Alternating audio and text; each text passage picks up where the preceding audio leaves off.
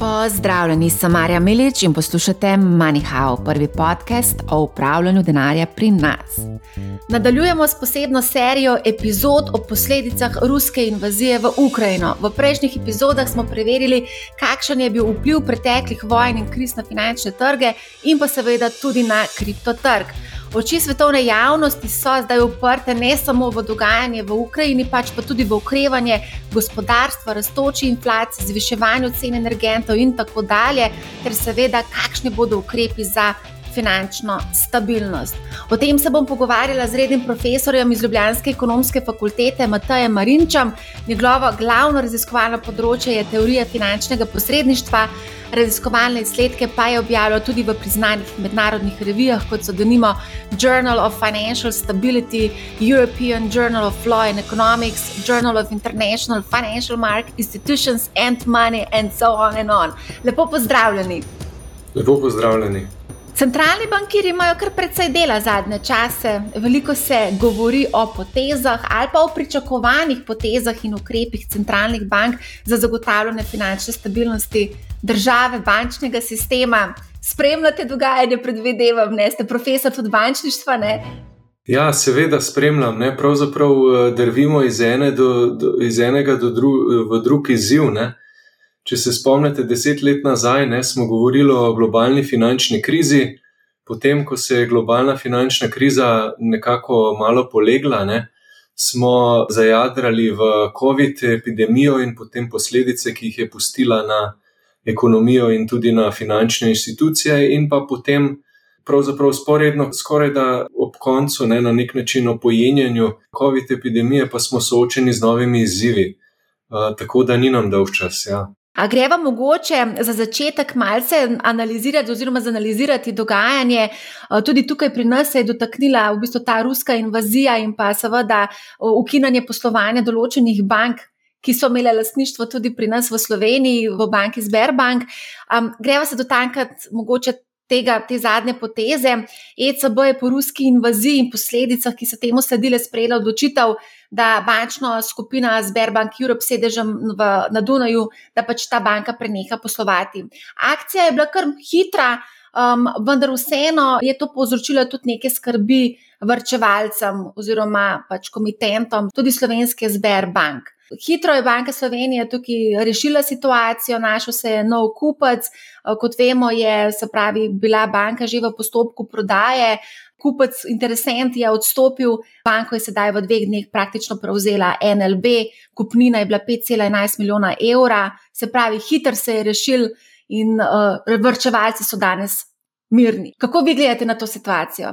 Pred globalno finančno krizo smo bili pravzaprav v Evropski uniji po večini, po, po večini držav Evropske unije, predvsej bosi glede uh, odgovora na to, kaj storiti, če banka zaide v težave. Pred globalno finančno krizo nismo imeli nekih um, dobrih okvirov za reševanje take inštitucije, ne, ki lahko postane ali insolvenčna ali pa eh, nelikvidna. Ne. Torej, ali depozitari, naprimer, in drugi kreditori dvigujejo denar iz banke, ali pa postane banka dejansko nesolventna, ne? torej da ima manj sredstev kot pa obveznosti, manj sredstev in ne more poplačati obveznosti. Ne? Tako da tukaj smo zgradili nov, pravzaprav nov regulativni okvir, bančno unijo, in en del te bančne unije je tudi sistem enotnega nadzora in sistem enotnega reševanja. Ne? In ta sistem enotnega reševanja se je zdaj v primeru Sberbanke vklopil ni se do zdaj velikrat vklopil ta sistem SRB, ne mu tudi rečemo.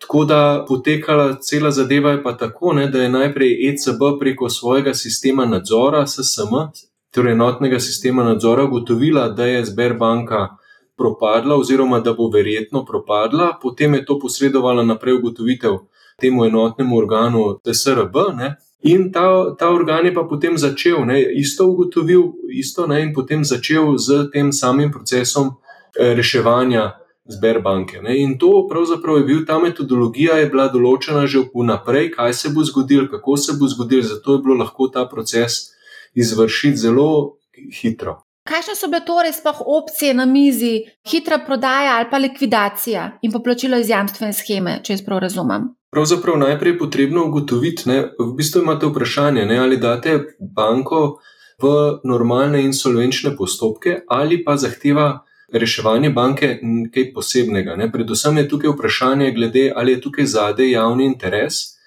Javni interes pa zaobjema več stvari, recimo posojanje uh, podjetjem, de, uh, pobiranje depozitov, predvsem pa finančno stabilnost. Torej, ali lahko reševanje te institucije, če jo, če jo rešujete preko normalnih insolvenčnih postopkov, povzroči probleme za finančno stabilnost oziroma stabilnost bančnega sistema.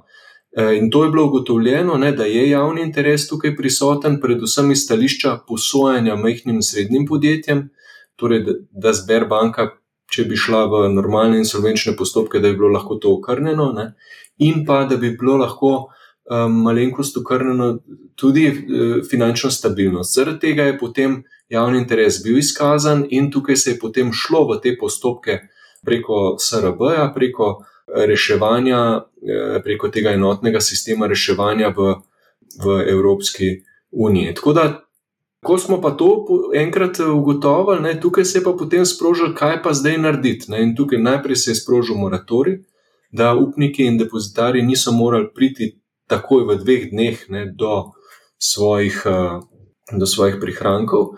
V teh dveh dneh se je pa potem zavrtela, ne, več opcij je bilo na mizi. Ne, SRB ima tukaj več opcij, več urodij, s katerimi lahko ukrepa, lahko banko razdeli, lahko proda dele banke posebej, ne, lahko pa tudi banko proda ne, v celoti, kot je zdaj tukaj uh, eh, SRB naredil, na podlagi vrednoten, ki jih je tudi naredil. Ne, in tukaj se je potem izkazal kot uh, kupec, ne, uh, se je pokazala NLB, ki je to potem to transakcijo, pravzaprav v dveh dneh uh, se je ta transakcija izvršila. Ne. Tako da uh, tukaj pravzaprav ni bilo potem potrebno, ne, ker ste vprašali tudi za zavarovanje depozitov, ne, ni bilo potrebno te jamstvene scheme zavarovanja depozitov vklopiti. Ne.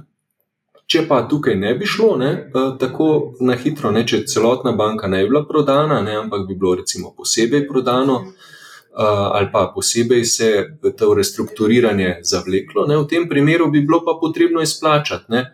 zavarovane depozite, do 100 tisoč evrov smo, smo pa zavarovani, ne pa pravzaprav v celotni Evropski uniji. Se pravi, rekel ste, da bi lahko morda to vplivalo na finančno stabilnost pri nas, ne? ampak banka je relativno majhna. Ja, vedno morate to gledati, ne? kako, kdaj bi prišlo. Torej, če bi banka šla v normalne insolvenčne postopke, ne? da tam bi bilo potem lahko na prvi točki posojanje majhnim in srednjim podjetjem okrnjeno, ne? lahko bi pa prišlo potem do pritiska. Ne? Zaradi tega, na, na, tudi na finančno stabilnost, zaradi tega, ker te insolvenčni postopki so lahko dolgotrajni, ne? Standardni, ne? lahko potem se zamrznejo terjatve, recimo depoziti nad 100 tisoč, tukaj lahko pride tudi potem do uh, zmanjšanih vrednosti teh. Teh prihrankov ne, nad 100 tisoč, tako da tukaj v tej luči ne morete gledati ta hipotetičen scenarij, ne, kaj bi se zgodilo, če bi šla banka v normalne insolvenčne postopke, tako kot je recimo šla zdaj banka, Sberbanka, avstrijski del. Ne, torej, avstrijski del Sberbanke, mati, ne, je pa šla v normalne insolvenčne postopke. Ne, čeprav sta hčerinski družbi, podružnici, ne, torej v Sloveniji in na Hrvaškem, so bile pa. Je bil pa uporabljen tukaj ravno ta mehanizem, ne, ki ima pravzaprav namen preprečiti finančne trenja. Ne, jaz tukaj ne bi rekel, ne, da bi prišlo tukaj do nekega grozotnega vpliva, ne, uh, ampak vseeno, ne, pač neka finančna trenja se vzpostavijo in zaradi tega potem mi uvedemo te postopke, ne, ki so zdaj urejeni um, preko SRB, ne, s katerimi pravzaprav te, te, te, ta trenja odpravite. Drugače bi jih morali pa na nek drug način, ne, ki bi bil potem uh, bolj problematičen. Ne? Zato pa so ti postopki postavljeni. Ne? Tako da to ne bi jaz videl ne, kot nekaj kritičnega, ne? samo videl bi kot kljukico, ne, s, katerim, s katero lahko zagotovite, ne, da se zdaj ta okvir reševanja banke vzpostavi. Ne? Ker po svoje morate pa tudi imeti neka varovala, ne, da ta okvir SRB uporabite in da ne da ga res uporabite samo takrat, ko je potrebno. Ne? Če pa ni, potem pa ne, ne? recimo za, za, za Sberbank Avstrija. če bi verjetno prišlo do enega takega scenarija, bi bilo verjetno načeto tudi samo zaupanje v bančni sistem, v banke, verjetno bi se lahko potem ta strah prenesel tudi na druge komitente, drugih bank. Ne? To je v bistvu teoretičen um, razmislek, ne, ki nam odgovarja, zakaj potrebujemo bančno regulacijo. Ne. Seveda, bančna regulacija je zelo pomembno zaupanje v bančni sistem. Ne. Zdaj, tukaj bi jaz bil vsem uh, precej pozitiven trenutno, zaradi tega, ker imamo ne samo to bančno unijo, ne, ki je torej nova regulativa na, na bančnem področju, ki uravnava enotni nadzor bančnih inštitucij in tudi enotno reševanje bančnih inštitucij v Evropi. Hkrati imamo tudi enotni okvir eh, pravil v Evropski uniji, kar bi pa mogoče še izpostavil, je pa ravno to enotnost, ki trenutno poteka v, eh, v Evropski uniji. Ne? Tako da Evropska unija je v zadnjem mesecu postala izredno enotna. Ne? In tukaj, pravzaprav, če to primerjamo z globalno finančno krizo, ne, kjer so se vzpostavile razpoke ne, med posameznimi članicami Evropske unije, ne, kjer je tukaj prihajalo do manj, manjše enotnosti. Ne, torej, govorili smo, kaj pa narediti z grškimi institucijami, ne, kaj pa narediti z. Eh, recimo v Cipru, kaj pa narediti na Irskem. Vse je zdaj danes, ne, pa tukaj slika druga. Ne, in imamo enoten sistem, uh, Evropa je zelo poenotena in tukaj morate vedeti, ne, da v končni fazi ne, tega te ne vidim možnosti, da bi to prišlo do nekih razlik med državami. Ne, to pomeni pa, da je zadej ne, nad celotnim finančnim sistemom pa bdi. Centralna banka, ne, torej ECB, s svojimi likvidnostnimi operacijami, ki lahko zagotovi vedno, ne, veste, vi imate pri reševanju bank vedno razmislek, Prvič, morate se vprašati, ali je bančna inštitucija likvidna, torej ima denar za, za normalno poslovanje, ne? in drugič se vprašate, ali je, torej, če ni likvidna, se morate pa vprašati, ali je solventna, ne? torej, ali ima dovolj sredstev za poplačilo dolgov. Ne? In zdaj, a vidite, če je banka likvidna, ne, v takem primeru jo pravzaprav lahko tukaj preko operacij. Eh, posojilodajalca v skrajni sili rešuje ECB oziroma nacionalna centralna banka. Ne. Tako da banka, ki je solvenčna, ne, eh, v takem primeru ni. Imamo tukaj likvidnostno podporo ne, ni, tukaj ni takih težav, eh, ni nas zaskrbeti, ne, ne, bo, ni, ne bo nas skrbelo. Ne. Zdaj, tukaj v tem primeru Sberbanke ne, je ECB in SRB sta ugotovila, da je, torej, da ne samo, da je nelikvidna, ne, ker je prejšnji teden prihajalo do dvigov ne, iz Sberbanke, ampak da je tudi, da je verjetno, da bo propadla. Ne, in tukaj je kazalo na nesolventnost. Ne, in to je potem razlika ne, med to banko in potencialno drugimi bankami. Ne. Tako da jaz ne bi bil tukaj prav zelo zaskrbljen no, v trenutnem obdobju. Številni analitiki so konec leta 2021 videli bančne delnice kot v bistvu zanimivo investicijo, predvsem v luči okrevanja gospodarstva in pa tudi bolj agresivnega pristopa centralnih bank k zviševanju obrestnih mer. Tukaj govorimo predvsem o Fedu, ameriški centralni banki Fed. Celotna situacija pa je v bistvu tudi pokazala, da se tudi v tem bančnem svetu stvari lahko kar hitro obrnejo. Recimo, en moj kolega je želel, tik preden je prišlo do invazije, kupiti Sberbank delnice. Ne? Če bi jih kupil, bi danes bil na izgubi, mislim, da 95 in več odstotkov, oziroma Sberbank praktično je, je ni, ne? se pravi, vse je izgubil. Kako pa vi gledate na to, na, to, na ta hitro dogajanje na, na bančnem področju in pa v bistvu sam ta tradicionalni bančni sistem in pa mogoče v primerjavi z alternativo, ki se ponuja, recimo kriptovalutam? Ja, zdaj uh, samo prvo vprašanje. Um, torej, a veste, ja pri, vedno je pri investicijah ne, v delnice smo izpostavljeni tveganju. Ne. Tudi če bi v kakšno drugo podjetje kupil delnice njegove, ne, pa, pa bi to podjetje propadlo, bi spet izgubil vse. Ne. Tako da tega se moramo zavedati, ne, da če investiramo v delnice, da pač prevzemamo tveganja. Ne, in prvi pravzaprav na svet je tukaj diverzifikacija, ne, da nismo izpostavljeni samo enemu podjetju, naprimer, ampak večjim, ne, ne samo enemu trgu, ne, morda večjim. Ne. Tako da ta diverzifikacija, ne, da se pač zavedamo tvega, ne, da tudi da ne damo celotnega svojega premoženja, ne, v, kot ste omenili, v delnice enega podjetja ali pa ene banke. Ne. Tako da tukaj ne bi videl bank kot posebej drugačne. Ne. Zdaj, ja, vidite, drugo je potem obveznice, ne, so lahko bolj varen instrument, ne samo, če bi vaš kolega investiral v ruske obveznice, ne, pa bi tudi uh, imel zdaj, ne, še posebej, če bi, vam, če bi bile denominirane v rublih, ne, pa bi tudi imel probleme, ker Rusija je nehala izplačevati uh, kupone tujcem. Ne. Tako da, tako da tukaj vidite, da ja, svet se pa zelo hitro spreminja, ne, s tem pa se strinjam. Ne, tako da pravzaprav uh, imamo zelo hitre pretrese na svetu. Ne, um, Tako da je težko tukaj pravzaprav ugotavljati, ne, kaj se bo zgodilo ne, v naslednjem letu, ne, mogoče celo kaj se bo zgodilo v naslednjem mesecu, je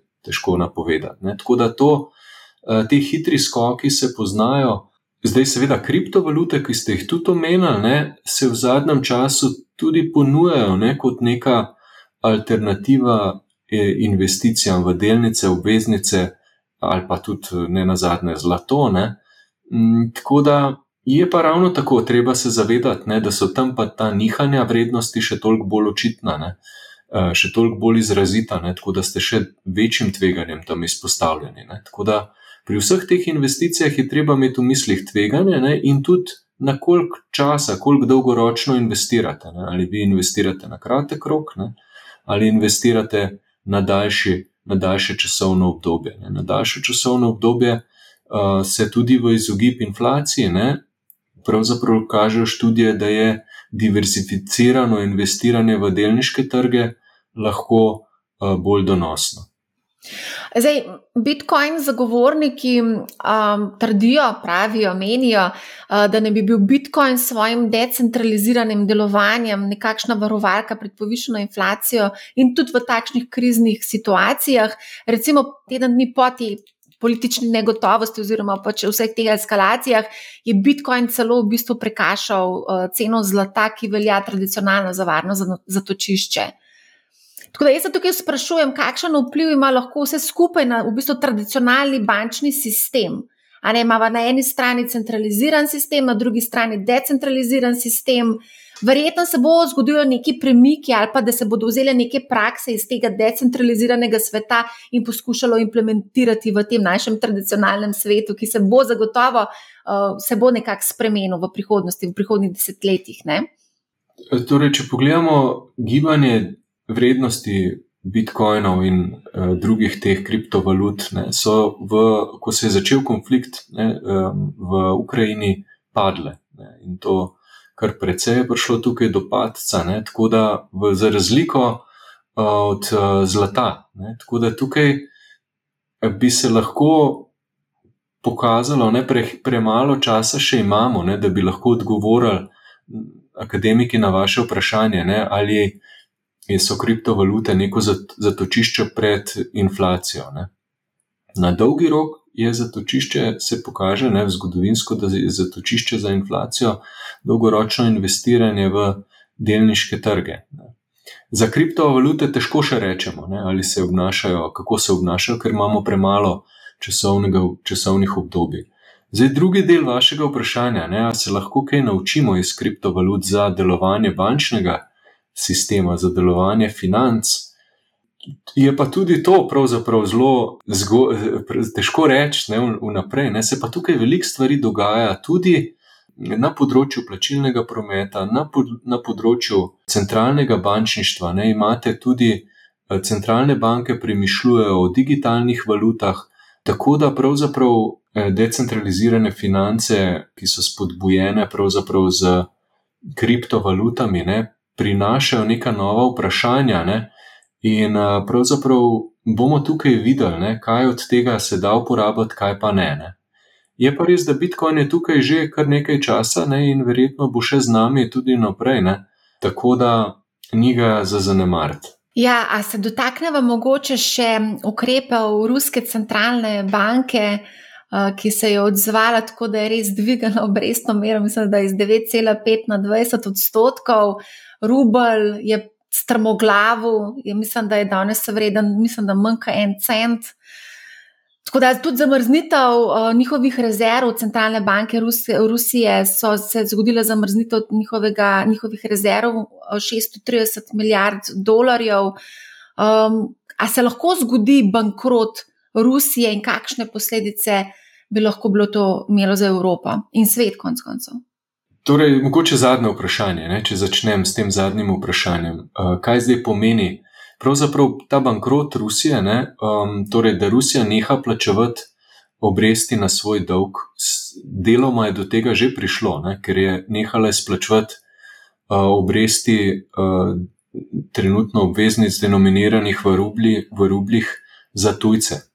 Ne, tako da do tega je verjetno, da pride v prihodnje. Ne, ko so pa tukaj vprašali uh, gospoda Pavla, torej predsednika ameriške centralne banke, je njegov odgovor bil, da bodo posledice potencialnega bankrota Rusije, ne, da ne bodo močno čutili v Ameriki. Ne. Tako da tukaj, tukaj je to ta direkten odgovor, ne, da je izpostavljenost do Amerike. Imam tudi tukaj le nekje napisano ene številke, mislim, da je vse skupaj 60.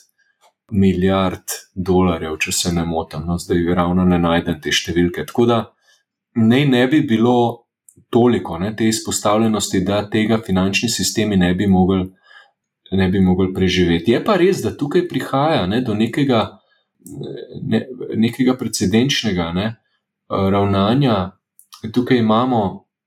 Recimo, sedem ruskih bank je bilo izključenih iz sistema SWIFT, ne, sistema um, plačilnega sistema med, ban, med bankami. Ne.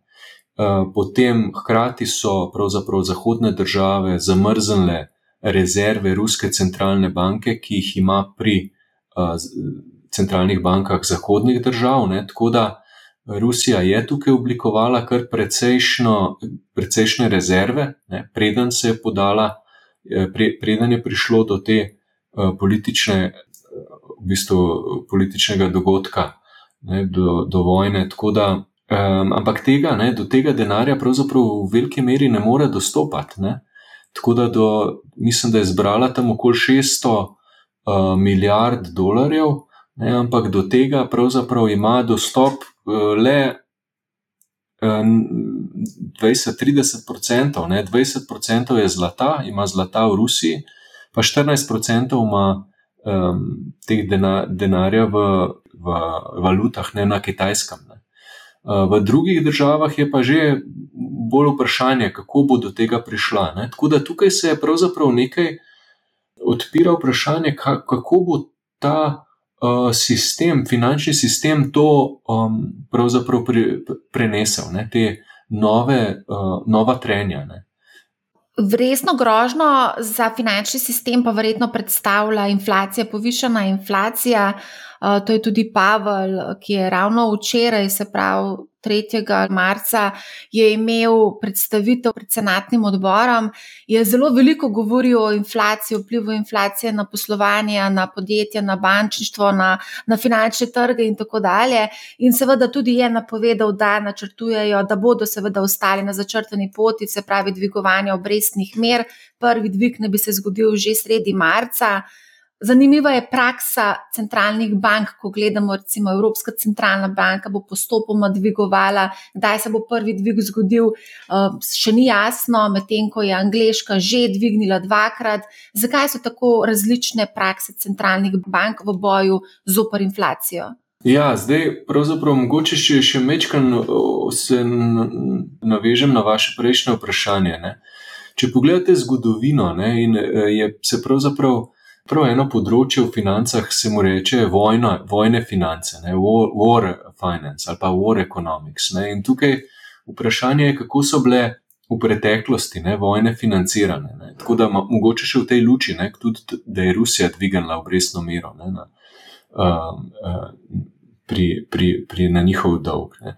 Tako da tukaj imate tri področja, ne, s katerimi se financirajo vojni izdatki. Ne. Eno je preko davkov, drugo je preko zadolževanja, in tretje je preko izdaje denarja. Ne. Tako da zgodovinsko gledano, ne vem, ste imeli še, pravzaprav, recimo, že v Starem Rimu, ne, so potem izdajali kovinsk, te kovance, ne, te sre, sre, srebrne kovance, ne, in potem se je delež srebra v njih zmanjševal. Ne. Potem, recimo, v, ob začetku Prve svetovne vojne so države zapustile Večina držav je zapustila zlati standard ne, in potem bistveno povečala količino denarja v obtoku. Ne. Tukaj je šlo za, tako da to je bil pa drug, ne, eh, tako da tukaj je bilo povečevanje denarja v obtoku, ne, recimo to je ta mehanizem. Ne. Drugo je seveda zadolževanje. Ne, torej tukaj je vprašanje, kako se bo eh, država zadolžila, ne, zato da to uh, podpre ne, te izdatke, ki jih ima na novo. Ne. Tako da to dvoje ne, je pravzaprav potrebno se vprašati, kaj narediti. Ne. Kako tudi eh, v, v Evropski uniji ne, eh, se lahko vprašamo, ne, kaj je zdaj za nas eh, optimalno, ne, da potem pravzaprav bomo lahko te izredne razmere prešli brez hudih pretresov. Ne. In pravzaprav se lahko obrnemo na ravnanje Evrope v času.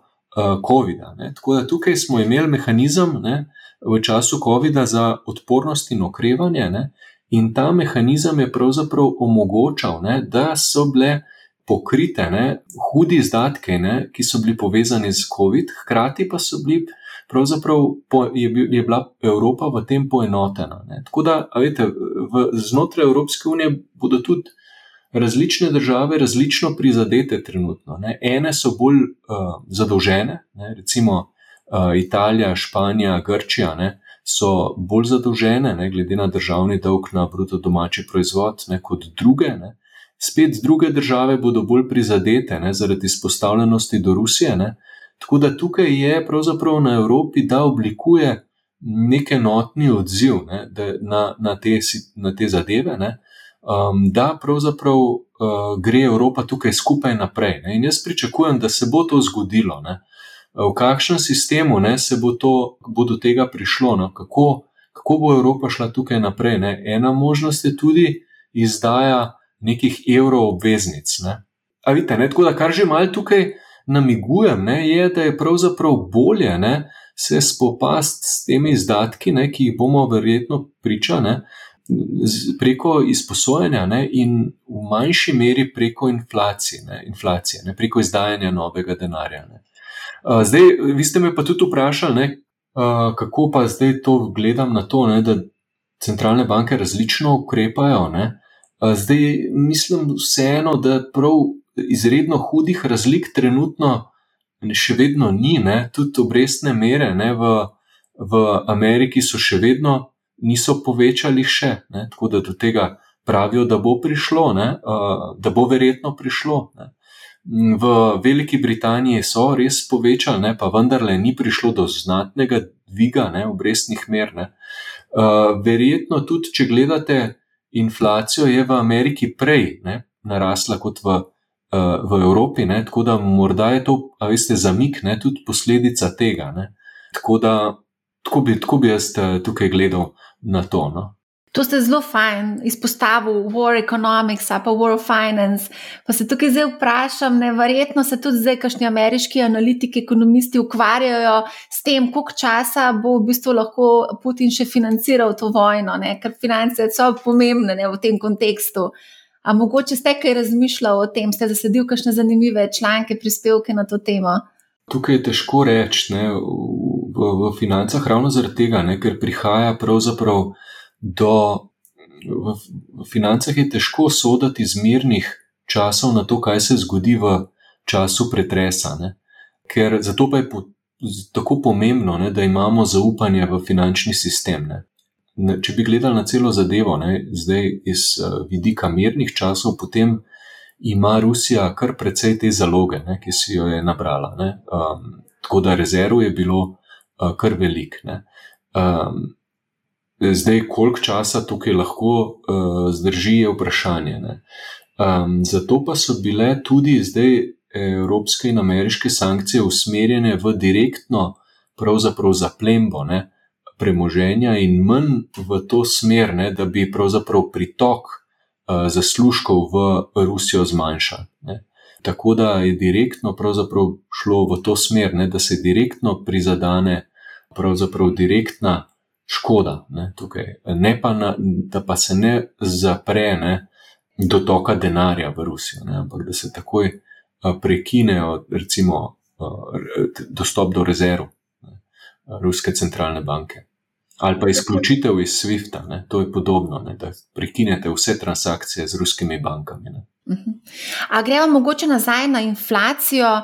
Kaj se bo zdaj dogajalo z inflacijo? Ali res lahko pride do kakšne hiperinflacije, kot smo imeli mogoče še nedolgo nazaj, na par desetletji nazaj, ali lahko pride do dejanske recesije zaradi tega, ker ne bomo pravočasno ukrotili to pošast? Ja, zdaj, glede na trenutno gospodarsko stanje, kjer, je, kjer imamo gospodarsko rast in to kar močno gospodarsko rast, ne, uh, mislim, da tukaj direktne nevarnosti, da zaidemo v recesijo, zaenkrat ni videti. Um, tako da tukaj ne bi bil tako pesimističen. Uh, glede inflacije, pa je tudi, ne, moramo se zavedati, da je osnovni cilj Evropske centralne banke je omejiti, ohraniti inflacijo na srednji rok na, dve, na, dve, na dveh procentih. Zdaj, um, seveda je pa tako, ne, da smo mi pravzaprav iz sveta, ne, ko smo imeli probleme z deflacijo, ne, uh, pravzaprav kar naenkrat se zbudili v novem svetu, ne, kjer pa vidimo, ne, da je inflacija uh, nad 5%, ne, v februarju je bila 5,8% kar je še vedno manj kot v Ameriki. Ne. V Ameriki je bila inflacija 7,9%. Ne. Tako da tudi tukaj vidite, da je razlika potem v, v, v, v morda v teh hitrejšem odzivu ne, ameriške centralne banke. Ne. E, tako da tukaj um, teh nevarnosti hiperinflacije zaenkrat ne vidim. Ne. E, je pa res, da inflacija pa uh, zgleda, da ne na začetku Evropska centralna banka zauzela mišljenje, ne, da je to gre zgolj za kratkoročen uh, trend, ne zaradi konca epidemije, ne, kjer so bile pretrgane razne blagovne trgovske poti ne, in so se vzpostavile nove, ne, pojavilo se je novo popraševanje in zaradi tega se potem so se pojavili novi inflacijski pritiski. Ne. Zdaj, izgleda, da to ni, ne, sem kratkoročni pojav. Ne. Tako da tukaj predvidevam, ne, da bo pač prišlo tudi do ukrepanja ne, v, v, v drugo smer, ne, ker to je v skladu z glavnim ciljem Evropske centralne banke, da uh, se tukaj ukrepa ne, in se zameji potem uh, neka višja inflacija. Ne. Tako dvomim pa, da bo prišlo do hiperinflacije, ne, ampak veste, to so te napovedi, ne, ki jih je težko tukaj podajati, ne, koliko bo inflacija. Ne, če bi me pred enim letom vprašali, ne vprašanje, kako bi takrat znal napovedati vse vnaprej. Ja, se tudi te inštitucije pogosto potem revidirajo svoje ocene, napovedi in potem se dogajajo tudi popravki. Mislim, da je ravno danes Svetovna banka objavila, da ne pričakuje takšne rasti, kot je napovedala, in da se bo krčila gospodarska rast. Ne ravno zaradi vsega dogajanja na svetu. Imamo kar nekaj žarišč, konc koncev, vse ni samo Rusija, Ukrajina, so še druge zadeve, ne? tam Kitajci tudi imajo neke vojaške vaje blizu, tam na morju, blizu Tajvana je kar nekaj tega, plus inflacija in druge težave, ki pestijo svet ta hip. Ne? Tako da, v redu, najlepša hvala za super pogovor. Uh, hvala, da ste se vzeli čas in pa seveda, da ste razložili, kako deluje uh, celotna zadeva v ozadju, da si lažje predstavljamo, ko govorimo o centralnih bankah in delovanju centralnih bank in vplivu na finančne uh, trge. Tako da, iskrena hvala za debato. Ja, hvala za, za vabilo z veseljem eh, sem poklepetal z vami. Če imate kakršno koli vprašanje, mi pišite na marja.afna.businesspace.com ali preko katerega od družbenih omrežij. Naročite se na podcast MoneyHow, zelo bom vesela, če boste posredovali informacijo o podkastu prijateljem, znancem, sorodnikom in vsem, za katere menite, da bi jim vsebina lahko koristila. Poslušajte MoneyHow, ne bo vam žal. Lep pozdrav!